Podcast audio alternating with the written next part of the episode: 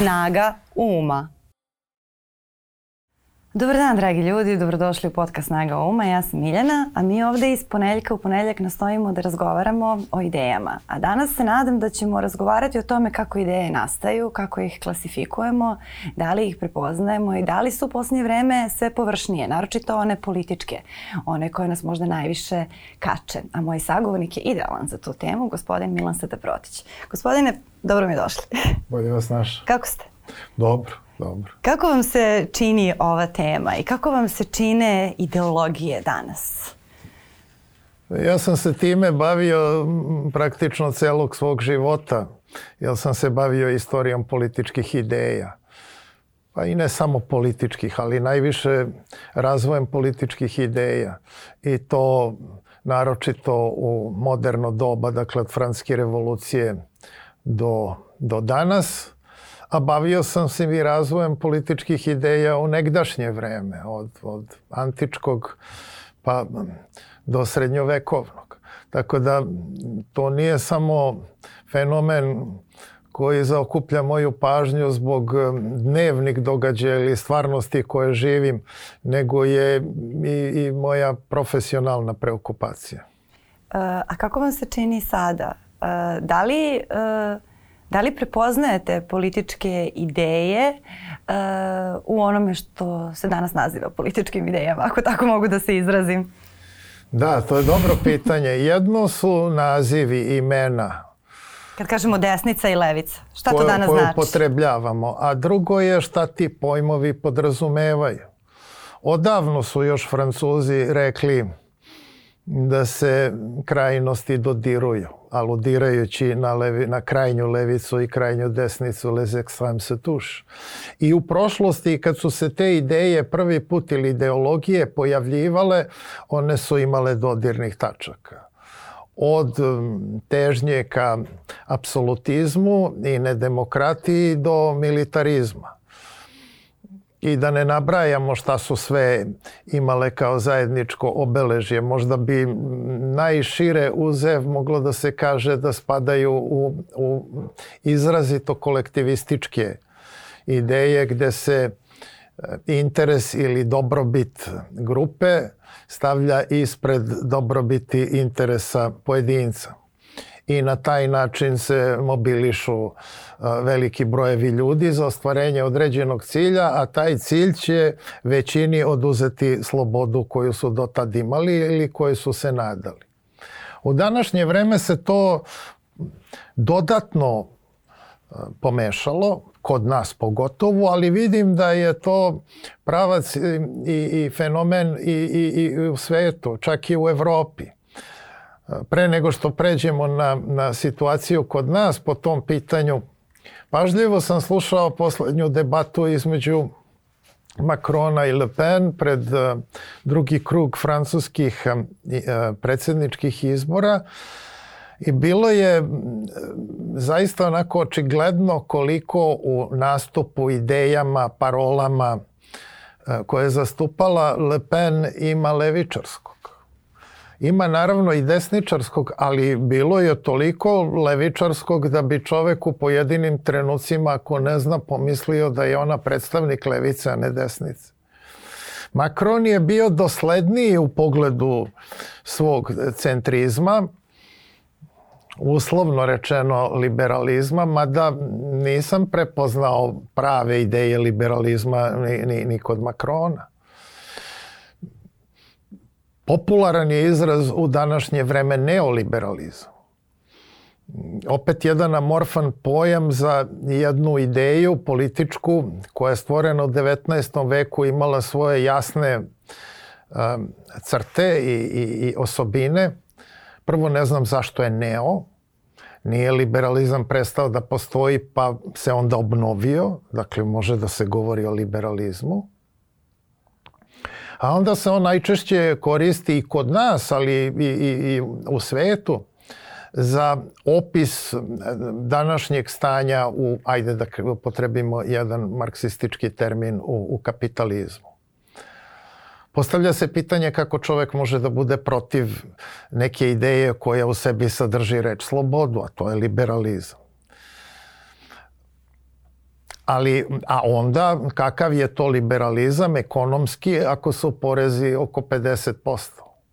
što je prosek u Evropi, u Americi nešto manji, oko 33%. Dakle, tu ne može da se govori o liberalizmu. Liberalizam podrazumeva laissez-faire ekonomiju, kako kažu francuzi, a to onda znači da se država ne meša, ne interveniše u privrednom životu, a naj, najdirektniji način kako se država meša u privredni život, to je naplaćivanjem poreza. Da li se sve nekako svelo na populizam baš zbog toga? Jer da ta, da ta nejasnoća ideja zapravo počiva na činjenici da političari svuda u svetu pre svega govore ono što procene da će njihovi birači želeti da čuju, pa onda tako štrihuju svaku ideologiju, ovo mi možda ne treba, ovo mi možda, ovo obećanje će biti lako da se prati ako ga ne ispunim, pa možda to i onda se tako napravi neki miks, ako tako mogu da nazovem. Pa i to je opet danak modernom dobu. Populizam je u stvari novi izraz, nova reč za jednu staru pojavu. Nije to prvi put da se pojavljuje, samo se to u političkoj teoriji obeležava kao demagogija. Da. Mi taj izraz gotovo više da i ne upotrebljavamo. Demagoga je bilo od antičkog vremena. Neki su i Sokrata smatrali za demagoga zato što je umeo svojom retorskom i logičkom veštinom da vas ubedi da je crno-belo i da je belo-crno. U, u Platonovim, Platonovim spisima u kojima je glavni junak Sokrat naći ćete dosta primera za takvu intelektualnu nadmoć koja se koristi da bi se um, isterao kapric, a ne da bi se dokazala istina. To naravno ne znači da je Sokrat bio samo to ili da je, da, da je Platonova filozofija zasnovana na demagogiji daleko od toga, nego govorim samo o pojedinim primerima tih jasne, pojava. Jasne. I kasnije se toga pojavljivalo. Kod nas je Nikola Pašić, na primjer, optuživan od opozicije, pa i od javnosti, da je vrhunski demagog i da je umeo to da se umili srpskom seljaku i da mu govori ono što se njemu dopada, pa tako je tumačena i, i Narodna radikalna stranka u ono doba koja je na osnovu toga mnogi su mislili, među njima i, i naš veliki istoričar i teoretičar i pravnik Slobodan Jovanović, da na osnovu te demagogije je dobijala tako veliki broj glasova. U 20. veku se taj populizam pojačao i, i na levici i na desnici. I oni su u boljševičkoj revoluciji govorili ono što su pretpostavljali da će taj nesrećni poniženi ruski narod koji gubi rat i gine u ogromnim brojevima i gladan je bez oružja i, i, i vraća se bežeći sa fronta u, u velike gradove da traži e, neku utehu i, i, i neki, neku kompenzaciju i sad nailaze na bolševike koji im govore najjednostavnije i najekstremnije stvari i nude im najprostiju sliku budućnosti i oni u to veruju i staju na tu stranu i bore se za to iz, iz um, najdubljeg ubeđenja. I za te ljudske potrebe da verujemo u to da smo dobri, da smo u pravu i da ćemo dobiti neku nagradu zato što smo se mučili, zato što smo se patili. A pogotovo u tom kolektivnom duhu uh -huh. od kog čovek kome čovek robovao sve do franske revolucije, onda je počeo postepeno da se oslobađa, ali se nikad i nigde nije do kraja oslobodio. I ta ideja istinskog liberalizma nigde, nažalost, nije do kraja pobedilo, zato što u čovekove prirodi postoji i, i ta težnja ka individualnoj slobodi, individualnim pravima, A sa druge strane i postoji taj instinkt, moglo bi da se kaže čak i biološki, darvinistički, evolutivan, da smo sigurniji i bezbedniji kad se nalazimo u kolektivu, bilo kom kolektivu. I da se onda prepoznajemo međusobno, da smo zajedno sa svojima pod navodnicima, za razliku od onih drugih koji su drugačiji, tuđi, nama po definiciji potencijalni neprijatelji. Da li je to, da li se identifikujemo sa određenom klasom, dakle društvenom klasom, kako bi rekli marksisti, ili se identifikujemo sa nekom etničkom grupom ili nacijom, sve jedno je. Ili se identifikujemo po nekom trećem kriterijumu kolektivizma. I ta borba kod čoveka između a, principa individualne slobode, individualnog interesa, prepoznavanja samoga sebe kao jedinke, nezavisno od porekla, pripadništva, teritorije, mesta gde je rođen, tradicije, vaspitanja, a sa druge strane ta ta potreba da budemo deo kolektiva jer smo tu sigurni. Redak je vuk samotnjak. Da, i to, se, i to se jako lako dođe do te psihologije mase, a svi znamo da... I još kad postoje mediji, da od onda kad se pojavio radio. Neki su teoretičari američki tvrdili da Franklin Delano Roosevelt, jedini američki predsednik koji je četiri puta dobijao izbore, je tako, od 32 do 44. nikad ne bi dobio izbore da je tad postojala televizija. Postoje samo radio, on je imao jedan veoma ubedljiv glas, ton, organ, kako se to ranije govorilo, i veoma uticao na ljude um, tim auditivnim metodama, da je postojala televizija i da su videli da je on hrom i da često mora da sedi u invalidskim kolicima, verovatno nikad izbore ne bi dobio jer Niko ne voli da ima invalida za, za predsednika. Pa isto kao što Trump ne bi dobio izbore da nije bilo Twittera. I obratno. I tu čak, e, mislim, da nije bilo mm. televizija, ne bi Kennedy dobio izbore. Tačno. I tu čak e, ovaj, sam razmišljala kako svaki put kada se dogodi neki veliki napredak e, na polju razmene informacija, bilo da je štampa, radio, televizija i danas društvene mreže, dogodi se i taj neki uh, nalet agresivnijih ideja i dogode se veće podele u društvu.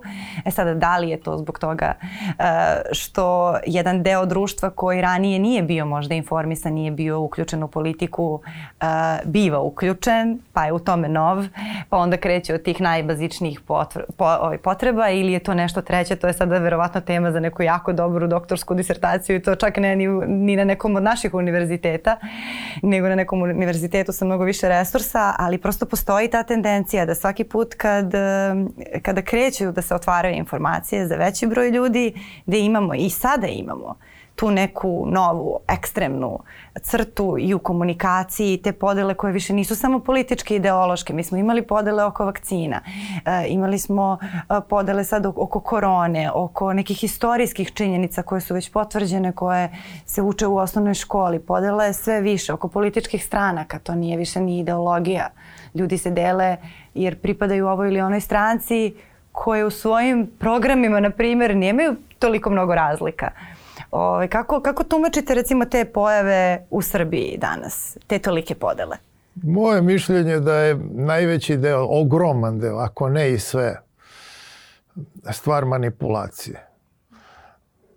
I da svi ti koji truju narod neistinama, lažima, budalaštinama, to rade iz zle namere.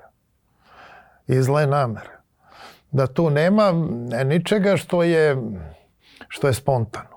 Pa da kažete, sve jedno neka je ekstremna ideja, ali je ona došla spontano. Ti ljudi stvarno u to veruju. Niti oni koji su počeli tu priču sa antivakcinaštvom ni u svetu, ni kod nas. Pa niko od njih u to ne veruje. To je bio samo način da se, da se ljudi koji su nedovoljno obrazovani da razumeju kako vakcina funkcioniše i zašto je ona korisna i bitna, odvedu u suprotnom pravcu, prosto da se nanese zlo. Iz određenih interesa ili, ili iz čiste pakosti. To isto i za ove koji tvrde, a to je loše obrazovanje i loša škola. I kad imate lošu školu i, i loše obrazovanje, vi ljudima možete da servirate što god hoćete i da je zemlja pljosnata, Dakle, vraćamo se na ono što je nekad bilo, bila predrasuda ljudi, da ne znam, je ploča koja na četiri slona, pa kad jedan slon poklekne, ono dođe do zemljotresa. A opet neukim ljudima je najlakše da primaju jednostavne istine. Komplikovane, složene istine je njima vrlo teško da prihvate. Zato što im škola nije pružila priliku da nauče kako se odgovorno misli. Ja sam nekad svojim studentima u Americi govorio da je kod mene svako mišljenje dozvoljeno, osim lupetanja. E sad, šta je granica između slobodnog mišljenja i lupetanja se u današnje vreme izgubilo. Pa u novinarstvu, Ja namerno da. koristim -huh. taj grub izraz, zato što bih hteo da podvučem značaj te, te, te a, pogubne pojave. Da se a, svaka istina podleže proveri. U, to je ideja nauke. I primjera radi, do vakcina se došlo tako što se nauka razvijala. I svaki lek je bio unapređenje u ono prethodno. I kad se pojavio aspirin, ljudi nisu znali kakav će efekat da bude. Da su primenjivali tu logiku neću jer nije dovoljno ispitano. Kao što se koristilo za vakcine, a ljudi nikad ne bi s mrtve tačke krenuli napred. S druge strane, opet imate manipulaciju. Jasno je bilo svakome ko malo ima škole, da nisu sve vakcine iste i da nemaju sve vakcine iste efekte, kao što ni svi lekovi nemaju. Ništa sve nije isto. I da prosto. onda vam Da, neka da. vlast, neki, neki autoriteti govore o tome kako treba da se vakcinišete i kako ćete biti zaštićeni ako se vakcinišete, na primer, Sinopharm vakcinom, a u stvari nećete. I niste bili. I, a poverovali ste, jer to govori vlast, da ako se tom vakcinom vakcinišete, da ste vi zaštićeni. Jer vam nisu rekli da ta vakcina nema ono dejstvo koje imaju ove vakcine a, stvorene u, u, u, ili izašle pod firmama, ne znam, Pfizera ili Moderne. Da, ali to se onda Zašto? odmah ode Zato u što se ekstrem. ideologija gura u to. I to Pa se odmah mis- ode u ekstrem zato što čak u redu neka i vakcina možda bude manje delotvorna, više delotvorna, ali ne ubija. Mislim, nije sad kao da, da, da postoji nešto Ali što će vam lekar dati i sigurno ćete za dve godine umreti. Mislim, to, I sad to, su, vi, vi to je stavite, otišlo dotle. Mm. vi stavite prst na čelo i kažete, dobro, jel ja znam za neki lek koji proizvodi Sinopharm? Jel sam, jel mi ikad neko prepisao? Pa pitate nekog doktora, izvinite, ste vi ikada bili u prilici da jedan lek, bilo koje medicinsko sredstvo proizvedeno u Kini, vi prepisujete? Ili u Rusiji? Da li ste ikada imali takav primer? I ako ste imali, kakvo vam je iskustvo? Dakle, ne postavljaju se pitanja onako kako to postavlja trezven čovjek. Nego se postavljaju pitanja iz ideološkog ugla. Neko je Srbiju pozicionirao između istoka i zapada u nekom a, bezvazdušnom prostoru gde sad može sve i treba sve i ako se opredelite za jednu stranu iz naučnih razloga, vi ste se za nju opredelili ideološki. Ta, ta, ta vrsta populizma, demagogije, zamena teza, rekli bi stari komunisti, pogubna je po jednu naciju. I to Pogubna vidimo i sada sa situacijom oko Ukrajine. Ili recimo, Mhm. uzmite ovako, ljudi pominju to bogatstvo ruske književnosti nesporno. Ali istovremeno će isti taj da vam kaže kako Amerikanci nemaju nikakvu književnost. A to je najveća književnost 20. veka. Samo je treba znati i čitati. I zaista je vredno.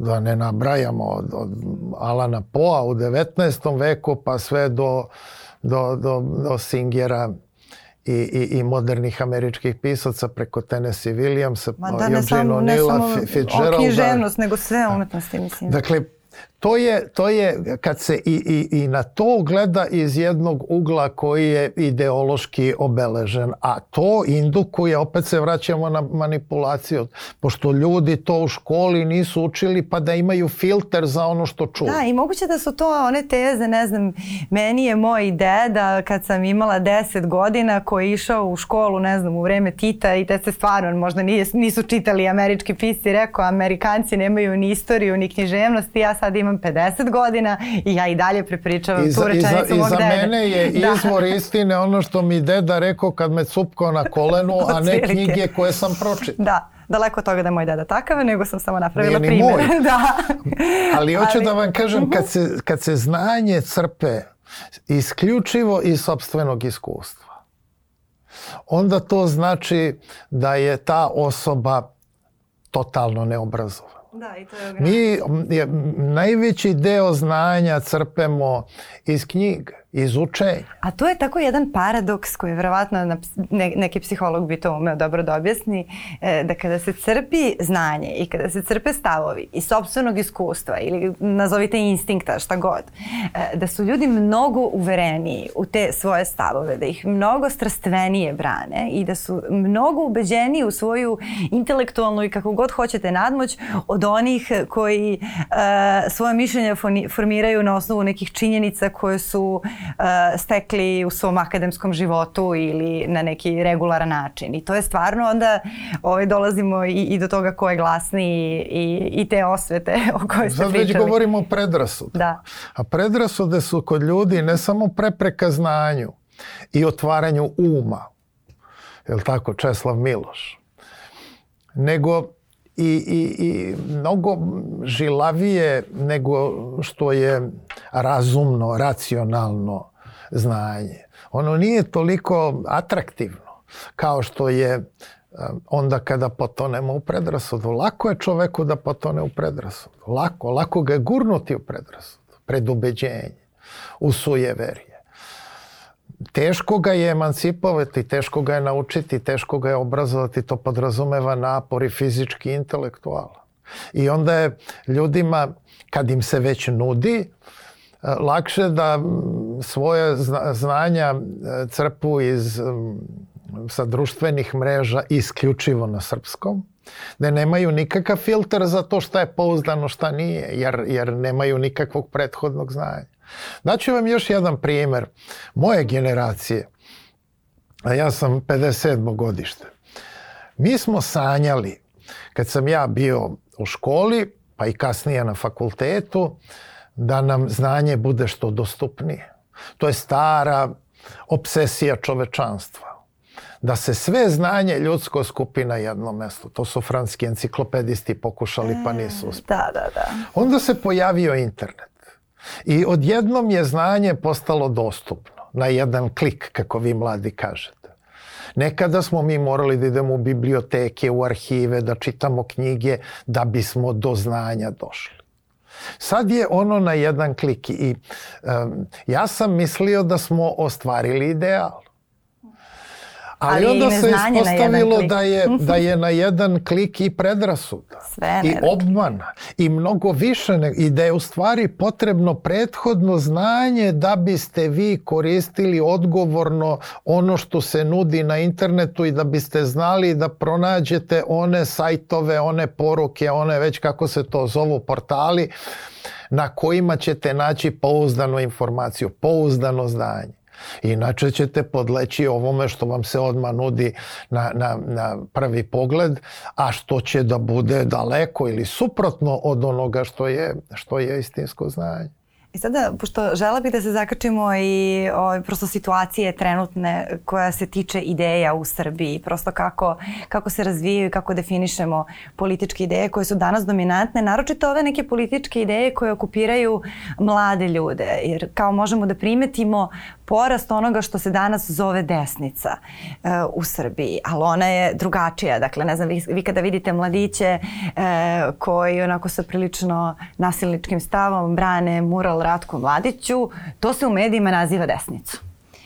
E, sad, da li je to, šta, šta je to? Kako smo, kako smo mi došli u tu situaciju? Čini se da su sve te neke ideologije svedene na svoje instant forme. Kao što imate sada kafu koju sipate u šolju i napravite za tri sekunde, tako uzmete gomilu nekih malih ideja, zbuđite to i evo vam To vam ideologija. je to sve može. Ratko Mladić je celog svog života, od kad je punoletan, postao bio član Saveza komunista Jugoslavije. I najveći deo svog života s ponosom nosio zvezdu crvenu petokraku na čelu. I sam sebe smatrao za komunistu, dakle za krajnju levicu. A onda je u nečijoj interpretaciji on postao uh, simbol desnice. A ta ista desnica, isti ti klinci koji su potpuno neobrazovani i, i, i neškolovani i sluđeni, busaju se u srpske grudi, izdaju se za desničara, navijaju za klubove koji se zovu Crvena zvezda i Partizan. Da li mogu da budu ekstremnija imena ideološke levice nego što su Crvena zvezda i Partizan? U izvornom značenju, šta znači reč Partizan? To je, to je ekstremni član partije. Biti partizan to znači biti najzadrtiji član jedne partije. Nekad je Slobodan Jovanović upotrebljavao taj izraz upravo u originalnom značenju. Ili na srpskom bi reč bila strančar. Dakle, kod nas je to sve do te mere pomešano i desno i levo najčešće idu pod ruku. Pa imate ovde jednog ministra koji je bio član Jugoslovenske levice, koji sebe predstavlja kao levičara, koji se divio Che Guevari, navijao za sandiniste u Nikaragvi, slušao grupu Clash dok je imao kosu do pola leđa. Da. A govori o srpskom svetu, ratuje i svađa se sa predstavnicima drugih naroda u, u našem okruženju i glumi Mussolini.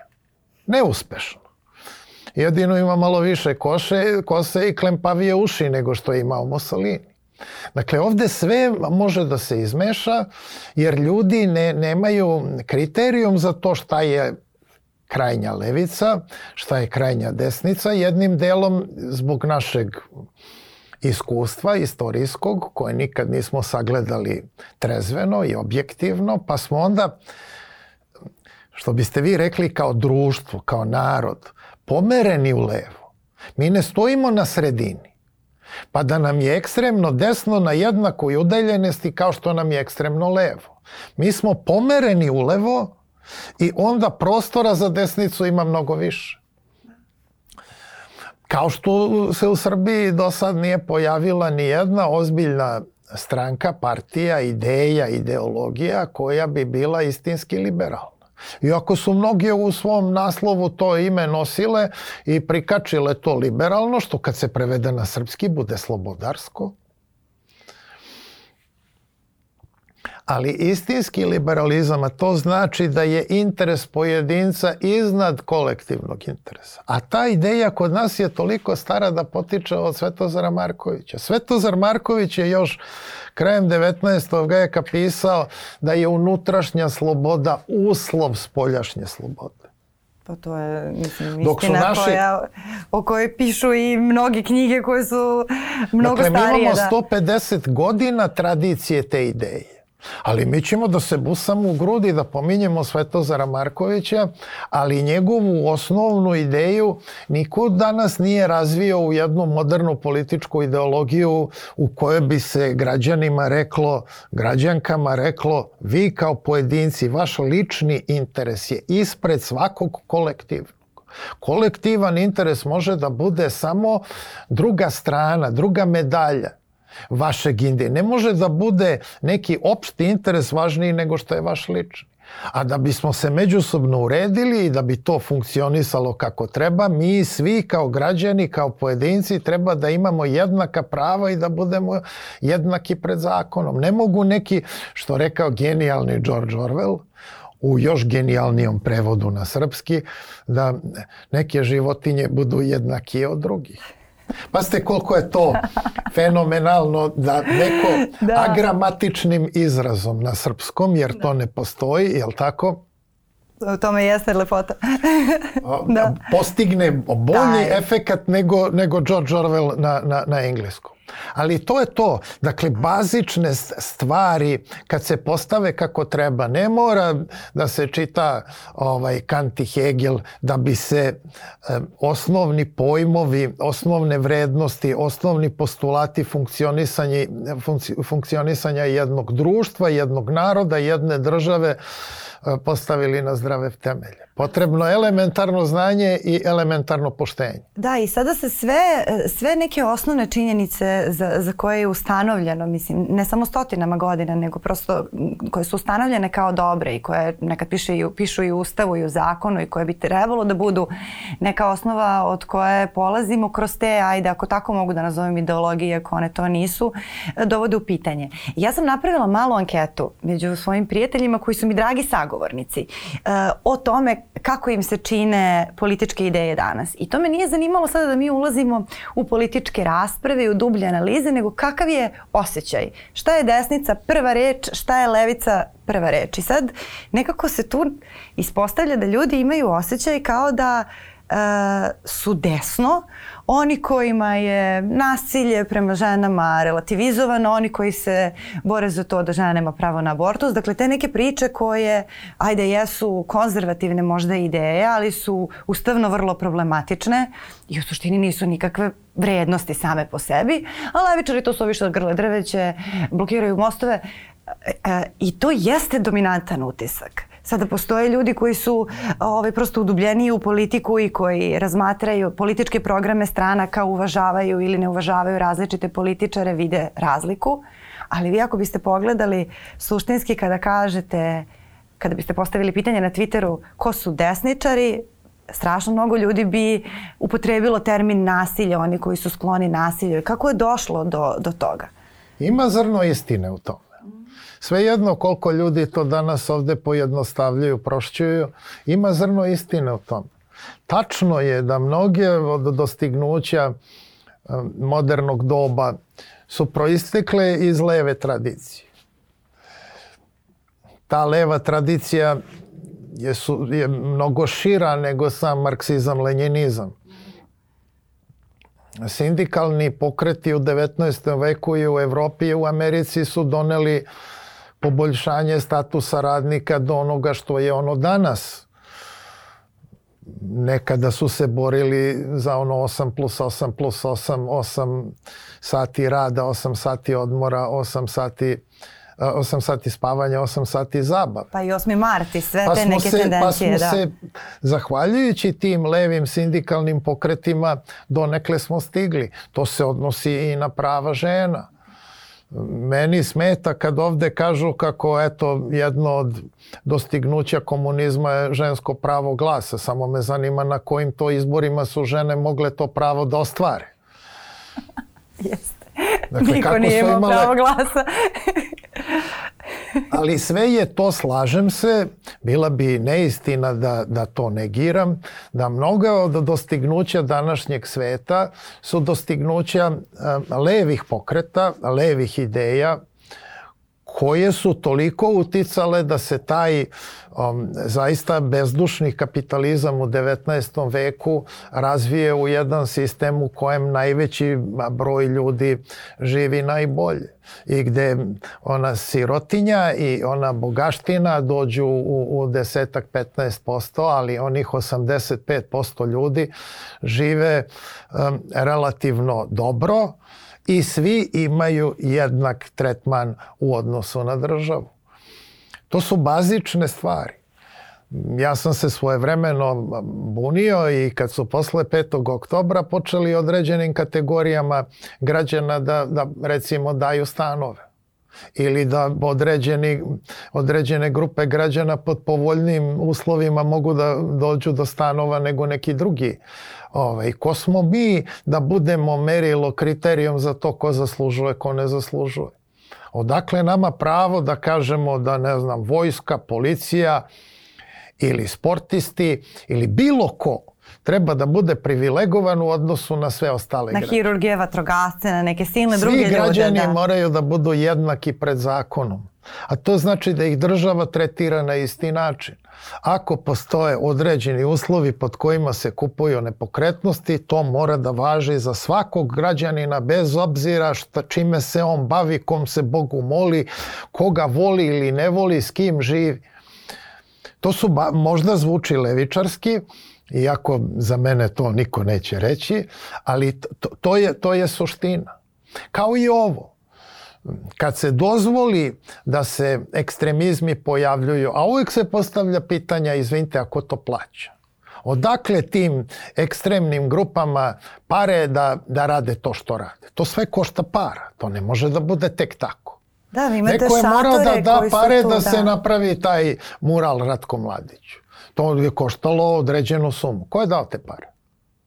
Ko je dao te? Pa znamo li mi to? Zašto to nije utvrđeno? Zašto taj ne izađe i ne kaže ja sam taj i taj, platio sam da se, da ovi klinci ovaj, brane taj mural. Dakle, uvek je pitanje ko stoji iza toga. Naravno, vi ćete mlade ljude lako da privolite na jednu ili na drugu stranu, pogotovo posle sveg tog ubitništva kroz koje smo kao narod prošli tokom 90-ih i stvorili taj jedan kompleks inferiornosti i ta deca rastu u, u, u jednoj atmosferi gubitništva gde su nas svi pretekli, gde su svi bolji od nas, gde su svi imaju više sreće ili više blagodeti nego što imamo mi.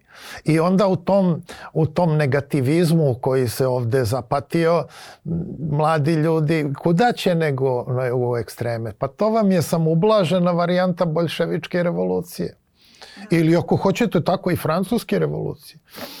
I tamo se podiglo iz očaja ta sirotinja pariska, nije revolucija zahvatila celo Fransku zahvalitela je samo Pariz od te ogromne bede, nepravde, poniženja, gladi, frustracije. Desio se jedan veliki događaj za koji su se svi nadali da će doneti novo doba. U Franskoj je to donekle i bilo novo doba uz ogromne žrtve.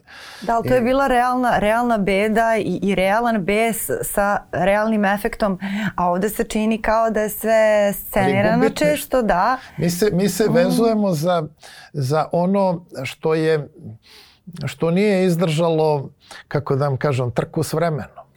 Mi se vezujemo za Titovu Jugoslaviju, mi se vezujemo uopšte za Jugoslaviju. Svi su se drugi od toga odvojili i krenuli nekim novim putem. Mi ostajemo taoci te prošlosti koja nije bila dobra. I zbog toga smo i učestvovali i bili vinovnici raznih tragedija i, i, i ogrešenja u tim ratovima 90-ih i opet se vratili poraženi. I ni jedan od tih ciljeva koji je onomad bio proklamovan nije ostvaren. I kasnije smo se pojavljivali kao gubitnici. U svakoj trci smo gubitnici. I zato što smo gubitnici idemo u ekstremizme i razvijamo tu vrstu netrpeljivosti prema drugome. Uvek nam je kriv neko drugi ili su nam krivi Hrvati ili su nam krivi Bošnjaci ili su nam krivi Sudija. Albanci ili su nam kriv sudija ili su nam kriv prokleti zapad. Zašto nam je kriv proklet zapad? Pa zato što se tamo bolje živi nego ovde. Zašto se vezujemo za Ruse? Pa ne vezujemo se kako vekovno prijateljstvo. Niko o tome u ovoj zemlji pojma nema. Da i pitate za odnose Rusije i Srbije pre ovaj kako se zove ove njihove 45. godine ne bi imali pojma. Mislim da ne bi imali pojma ni mnogo posle, bliže. tako. Da. Ali je opet vezivanje za, za gubitnike. Isto onako kao što se Rusi eh, danas sebe prepoznaju kao gubitnike jer je propao Sovjetski savez, taj njihov veliki projekat, i ponovo se vraćaju na tu politiku i vraćaju himnu Sovjetskog saveza i vezuju se za taj gubitnički identitet dok su svi drugi koji su pod po, po time bili odatle pobegli, a oni ostali taoci, tako i mi. I ta, to je nit koja nas povezuje, ta gubitnička nit koja se pretvara u rušilaštvo. A mene zanima, to je zaista jedan fenomen koji sam pri, primetila. U redu je da, da, da je jedan ogroman broj ljudi kada se, na primjer, pomene NATO ili kada se pomene Amerika, da im prva asocijacija bude NATO bombardovanje koje ne mogu da im zaborave. To je bilo za naših života, znači neki su bili deca, neki su imali decu i stvarno je strašno, ali mi je čudno uh, da se javljaju komentari istih tih ljudi koji, na primjer, se prisjećaju bombardovanja, koji vide neku vest i onda kažu ajde Putine više baci jednu bombu na nas. I, i prosto ta, ta, ta neka zaljubljenost, to, to zaista deluje kao, kao zaljubljenost u ono što se dešava koja nije bila toliko ispoljavana, na primjer, onda kad je Putin dolazio u Beograd e, makar ja nisam primetila tu količinu rusofilije kada je e, Putin posjećivao Beograd i kada su ti odnosi bili onako relativno harmonični, da kažem. Ove, otkud sad odjednom? Da li je to malo i, i vezivanje za nekoga ko onako deluje moćno, ko deluje? Mi imamo potrebu prosto da se lepimo za te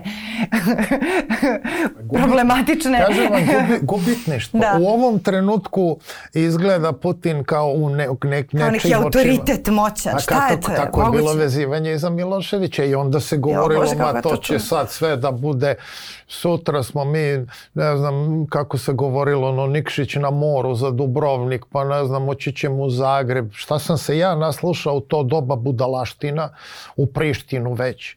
I na kraju se ništa od toga nije ostvarilo, ali u ono vreme se tekođe vezivali za Miloševića i JNA kao Koratka Mladića kao pobedniki. Tako se i sad u Putinu mi prepoznajemo kao pobednici, pa ćemo mi sa gubitničke strane da pređemo na, inače mi svi u dubini duše nosimo taj gubitnički. Mi nismo Japanci, na koje su isti ti Amerikanci svega bacili dve atomske bombe. Ne ovo što su po nama sitno udarali 99. godine, nego bacili dve atomske bombe. I čovek bi rekao, pretpostavio s pravom, da će Japanci o Amerikancima da misle najgore.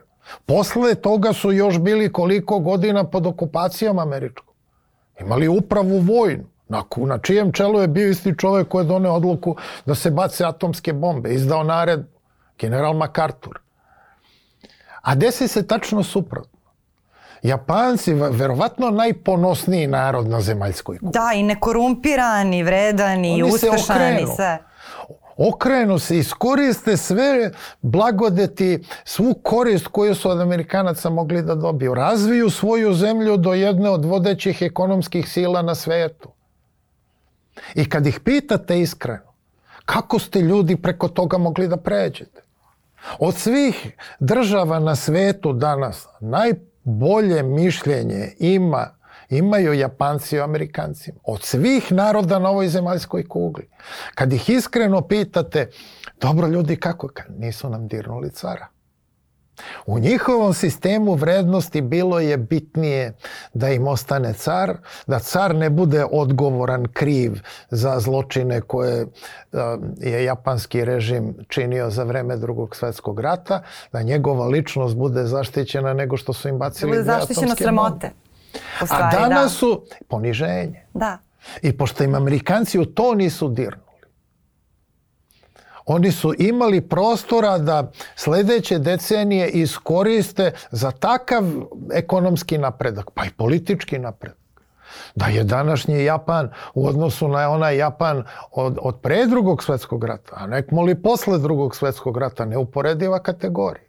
Naravno. Dakle, prevazila u krajnjoj liniji isti ti Amerikanci i Englezi su nas besomučno bombardovali 44. Neuporedivo gore nego 99. Ne može silan svet izginuo. I to kad su nas bombardovali? Uskrs, 44. 16. i 17. aprila i na rođendan kralja Petra 6. septembra ljudi se, ja znam i, i, i sad ja malo priče svojih predaka, ali tadašnjih Beograđan, oni su jadni izazlili na, na krovove, su već prepoznavali da li, do, da li idu nemački avioni da ili saveznici. Da Savljević pričao, da, Izašli da. da ih, postra, da ih pozdrave, mahali im oni tepih bomb. Da, Pritom da. da kažemo istinu. 41. godine nemačke bombe su bile zapaljive, tad još nije, nisu postojale eksplozivne bombe. Dakle, bombardovanje 6. aprila je bilo zapaljivim bombama. Ona padne i zapali sve što je zapaljivo. Da. Krovove, um, ove prozore, vrata, sve to. Ali nema, nema onaj eksplozivan efekat koji su imale bombe 44. godine koje su razrušile i Beograd i Leskovac i Podgoricu. I onda u titoizmu se to nije ni pominjalo. Kad sam ja na fakultetu pravnom u Beogradu pomenuo jednom prilikom da je bilo pravde posle drugog svetskog rata, Englezi i Amerikanci bi odgovarali za bombardovanje Beograda isto kao Nemci što su ovaj, odgovarali u Nirnbergu. To je izazvalo šok, konsternaciju. Prvo niko nije znao. Niko nije znao. A onda da neko tako kaže za nas, za tada prijateljske zemlje, Sve koliko smo se promenili. I naravno, kad iz onog nismo izvukli pouku, Posle se ispostavilo jedan naš istoričar, stari profesor Dragoljub Živojinović, koji nije više među živima, je pronašao dokument, ako se ne varam, u Vatikanskim ovaj, arhivama. Da je sam Josip Broz zahtevao, tražio od Engleza i Amerikanaca da se bombarduje Srbije. A dobro, da, to već malo to, to mi malo liči na ono Đinđića. Đinđić je šao u Nemačku da pokazuje gde da se gađa 99. Ali ovde, ali ovde postoji dokument. I jasno je i zašto. Jer gde se tad nalazi Broz? Kad me već vučete da, za jezik. Da, da, da, da. Broz se tad nalazi u Sovjetskom savezu, on uopšte nije u zemlji, on se nalazi u Moskvi. I čeka da crvena armija preko Bugarske uđe u Jugoslaviju. A, dakle, da uđe u Srbiju. A pošto je najveći otpor bio u Srbiji partizanskog pokreta za sve vreme rata od kraja 41. u Srbiji nije ni bilo. Jer posle one Užičke republike se oni povlače u Bosnu i deluju gde? Na teritoriji NDH. Sve vreme rata su na teritoriju NDH. Onda on traži od zapadnih saveznika da bombarduju Srbiju kako bi se omogućio ulazak Crvene armije. Kad Crvena armija ulazi u Beograd, na koga prvo nailazi? Koga ona sreće? Četnik je Draže Mihajlović. Postoji fotografija na zgradi opštine Kruševca kako, ovaj, kako Keserović i Rusi zagrljeni sa ruskom i, i jugoslovenskom zastavom proslavljaju oslobađenje Kruševca. Ali Da. I to je jedna od, od tragedija ovo, ovog naroda, što, i, što se ono što je bilo posledica istorije pisane iz jednog ideološkog ugla koji se nije uopšte krio. I gde je sve bilo obeleženo, čitava istorija čovečanstva bila de, definisana marksizmom, lenjinizmom. A kod nas još i titoizmom, da se to uzima kao istina. E sad kako, e, i kako privodimo ovu kafu kraju, volila bih da izvučemo neku pouku. Meni je inače često na slavama i, i kad god se tako nađemo u nekoj situaciji gde ljudi vole da raspravljaju o istoriji, što meni inače malo onako nekad i čudno, kako, kako se uvek e, te rasprave su upućene u, u pravcu toga ko je bio u pravu i o, umesto u pravcu nekih pouka koje bi, na primjer, mogli da izvuku iz toga, što bi možda bilo logičnije, jer kao, ajde, ta učiteljica bi trebalo da bude istorija života, između ostalog, mislim, to učimo, ja mislim da je to prvi čas istorije u petom razredu u osnovnoj školi, ali uvek su te rasprave žustre, uvek su one maltene, ovaj, kao da se sada dešava sve to što se dešava i uvek su usmerene ka tome ko je u pravu, ko je, ko je tu bio izdajnik, ko nije, umesto uh, koje pouke danas možemo da, da izvučemo iz toga šta su ljudi radili nekad. Uh, Pa me zanima sada i na krilima cele ove teme. Prosto kako vi birate i prispitujete svoje političke ove, ideje i kako to treba raditi. Pošto smo se oboje složili oko toga da se danas to radi dosta olako, na društvenim mrežama, bez činjenica, bez ičega. Istorija je ruku na srce i nastala kao apologija i dugo joj je trebalo da se izbori za svoju nezavisnost. I pitanje da li se do kraja i svuda e, za tu nezavisnost izborilo. Istoričari su skloni, čak i profesionalni, da zauzimaju stavove. I mi bismo se šokirali kad bi se pojavila neka knjiga o recimo hitlerizmu koja ne sudi. Istorija se bavi suđenjem i presuđivanje. Samo su franski pozitivisti nekada tvrdili da prava istorija će da bude samo ona gde se ređaju činjenice. Ali se postavlja pitanje i koje činjenice. Vi možete da naređete sve činjenice koje su tačne, ali samo da preskočite nekoliko koje su takođe tačne i da ih ne stavite tu i da stvorite sliku koja će da bude daleko od istine. Na jednu ili na drugu stranu. A onda možete misliti još amateri u zemlji u kojoj je ta ideološka podela napravljena u drugom i posle drugog svetskog rata i tačno ćete da vidite kao nožem podeljeni. Oni koji dolaze iz partizanskih i komunističkih par, porodica će da brane jednu tezu, a oni koji iz tih porodica ne dolaze branit će drugu tezu. Gde je e, istina, jedino može da se kaže da, da oni koji podležu određenom ideološkom slepilu, religioznom ili bilo kom drugom, e, su dalje od istine od onih koji su e, skeptični i u odnosu na tu zaslepljenost kao i na svaku drugu. A borba protiv zaslepljenosti, pa ako hoćete subjektivnosti, pristrasnosti, to je to što čovek mora sam sa sobom i istoričar mora sam sa sobom da izađe na kraj, pa da razume da i oni koji su a, ubili a, kralja Aleksandra doživljavaju to na isti način na koji mi doživljavamo kad je Srbin ubio Stjepana Radića. I da je istina jedno i drugo. Da nema istine samo na jednoj strani pa da pravdamo postupak Račića koji je ubio Stjepana Radića, a da kao najgori zločin smatramo kad je ovaj Vlado Černozemski ubio kralja Aleksandra. Ili da razumemo da ima onih koji smatraju da je akt Gavrila Principa bio akt terorizma, bez obzira što mi smatramo, mi doživljavamo to kao akt najvećeg patriotizma. To ne znači da sve izjednačavamo, ne može čovek da pobegne od sebe. Ali ono što može, to je da pokuša da razume onog drugog. Da i onaj drugi ima logiku isto kao što imam ja. I da on ima prava na svoju predrasudu i na svoje, svoj subjektivizam jednako koliko imam i ja.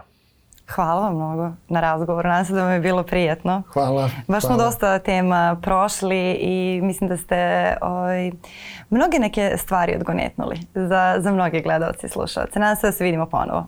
Takođe. A hvala i vama na vremenu i pažnji. Sa nam je danas ovde razgovarao gospodin Milan Sataprotić. Razgovarali smo o idejama, onima koje nam omogućavaju da možda dalje vidimo, ali i onima koje nas zaslepljuju, ograničavaju i odvajaju od drugih ljudi. Ja se nadam da ste izvukli neke zanimljive poruke, a mi smo tu i sledećeg poneljka na Nova RS podcast platformama i na Nova S YouTube kanalu od srede. Prijetno. Thank you.